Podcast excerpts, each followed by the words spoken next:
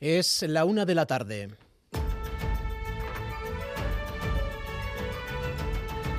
Crónica de Euskadi con Imanol Manterola.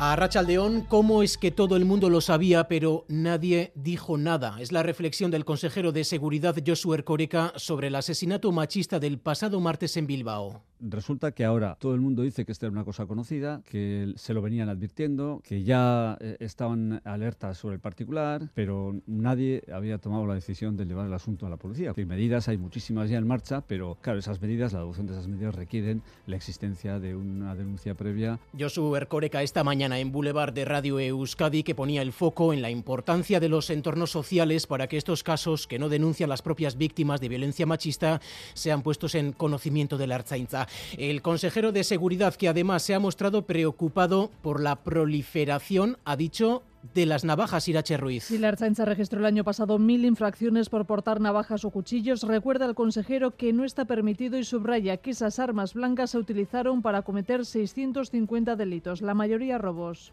aparecen de manera absolutamente injustificada, pues una noche en una discoteca o una noche en una calle, y que no es que una persona que ha ido a por lapas y después eh, la navaja es imprescindible, lapas o algo parecido, ¿no? Que llama la atención, ¿no? Llevar encima una navaja entiende que es cultural y por tanto dice difícil de combatir. Por lo demás, hoy hemos conocido que Euskadi ha batido un nuevo récord de afiliados a la seguridad social, así lo reflejan los datos del paro de diciembre.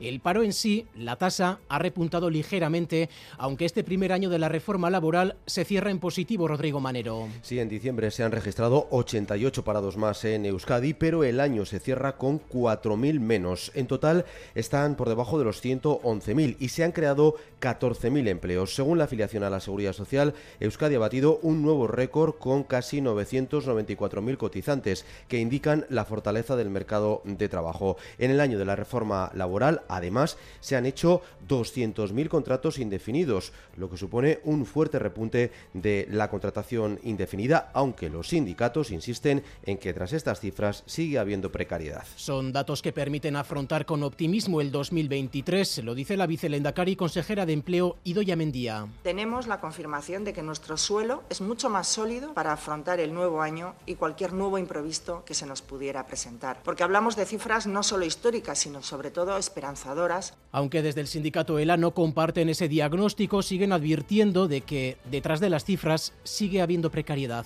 ELA exige medidas firmes para acabar con esta lacra, establecer medidas antiprecariedad, medidas contra la brecha salarial, consolidación y subidas acordes al IPC.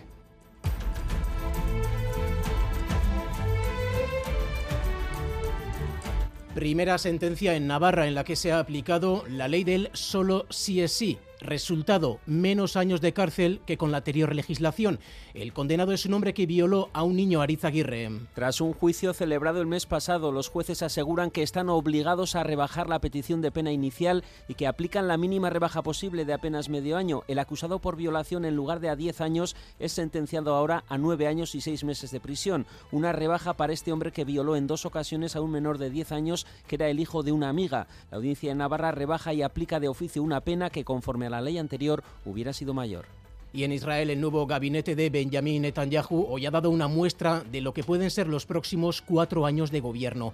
El ejército ha matado a un adolescente de 15 años en Belén y uno de sus ministros más polémicos por su extremismo se ha presentado en uno de los lugares santos para los musulmanes, Oscar Pérez. En concreto en la esplanada de las mezquitas, lugar en el que los judíos no pueden rezar y tienen el acceso permitido solo en unas horas concretas del día. El nuevo ministro de Seguridad Nacional, Ben Gibir, se ha presentado allí con sus guardaespaldas esta mañana y ha dicho que hay un nuevo gobierno en Israel y que las cosas han cambiado, que los judíos podrán pasear en adelante por cualquier punto de su territorio. Jordania, la Autoridad Nacional Palestina y Hamas han condenado lo hecho por Ben Gvir. Incluso el propio Netanyahu le había pedido que aplazara la visita, pero al ministro extremista le ha dado igual y con su visita esta mañana ha dado más fuego al conflicto con los palestinos. Varios grupos han hecho un llamamiento a movilizarse en las próximas horas contra Israel. Así que estamos muy atentos a Oriente Próximo, también a Ucrania, donde la guerra continúa y es noticia de las últimas horas el reconocimiento por parte de Rusia de la muerte de 63 soldados rusos en varios combates. Ucrania eleva esa cifra a 750. En cualquier caso, es una cantidad de bajas que está causando en Rusia dudas sobre su propia estrategia en la guerra. Pero a modo de contraportada les queremos contar otra de las muchas caras que tiene esa guerra, en este caso el robo de obras de arte. Hablamos, Natalia Díaz, de Banksy. Sí, ha vuelto a ocurrir. Hace un mes ya se detuvo a ocho personas por intentar robar uno de sus grafitis, el mismo. Ahora se ha detenido otros tantos. También habían logrado retirarlo de la pared y estaban cargándolo en una furgoneta cuando los militares que vigilaban el toque de queda en Ucrania les han pillado infraganti. La obra es una de las más preciadas de las siete que Bansky plasmó en noviembre en su visita, como siempre, clandestina y silenciosa por este país. La de la mujer en bata con rulos, máscara de gas y un extintor en la mano junto a la ventana devastada pero en pie de un edificio en ruinas. Y el Circo del Sol vuelve a Pamplona con Cristal, un espectáculo que por primera vez en los 33 años de la, eh, de la compañía combina el patinaje sobre hielo con las características acrobacias del circo. Desde mañana y hasta el domingo, el Navarra Arena se convertirá en un mundo imaginario al que escapa la protagonista, Cristal, en un viaje de autodescubrimiento lleno de acrobacias. Medio centenar de gimnastas, acróbatas y patinadores participan en este nuevo espectáculo del Circo del Sol. Rob Tanion es el director artístico de Cristal ofrece el mejor de dos mundos, ¿no? Primero, el circo, que ya sabemos que el circo de sol que hace muy bien, ¿no? Pero también invitamos a este mundo, el gremio del patinaje artístico, freestyle, extremo. Vamos con los titulares del deporte. Álvaro Fernández Cadierno, Arrachaldeón. Hola, Arrachaldeón con Pasconia, que juega esta noche en Granada. Será su primer partido de los 11 que tienen que afrontar en este durísimo mes de enero. Además, en clave de Copa, hoy habla Imanol en la previa del Logroñés Real Sociedad.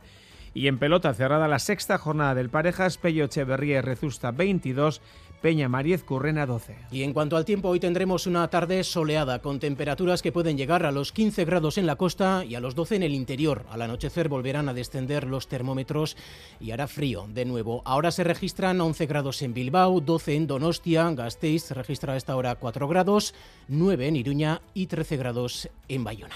Gracias por elegir Radio Euskadi y Radio Vitoria para informarse. Raúl González y Paula Asensio en el control técnico, Aitziber Bilbao en la coordinación. De Euskadi con Imanol Manterola.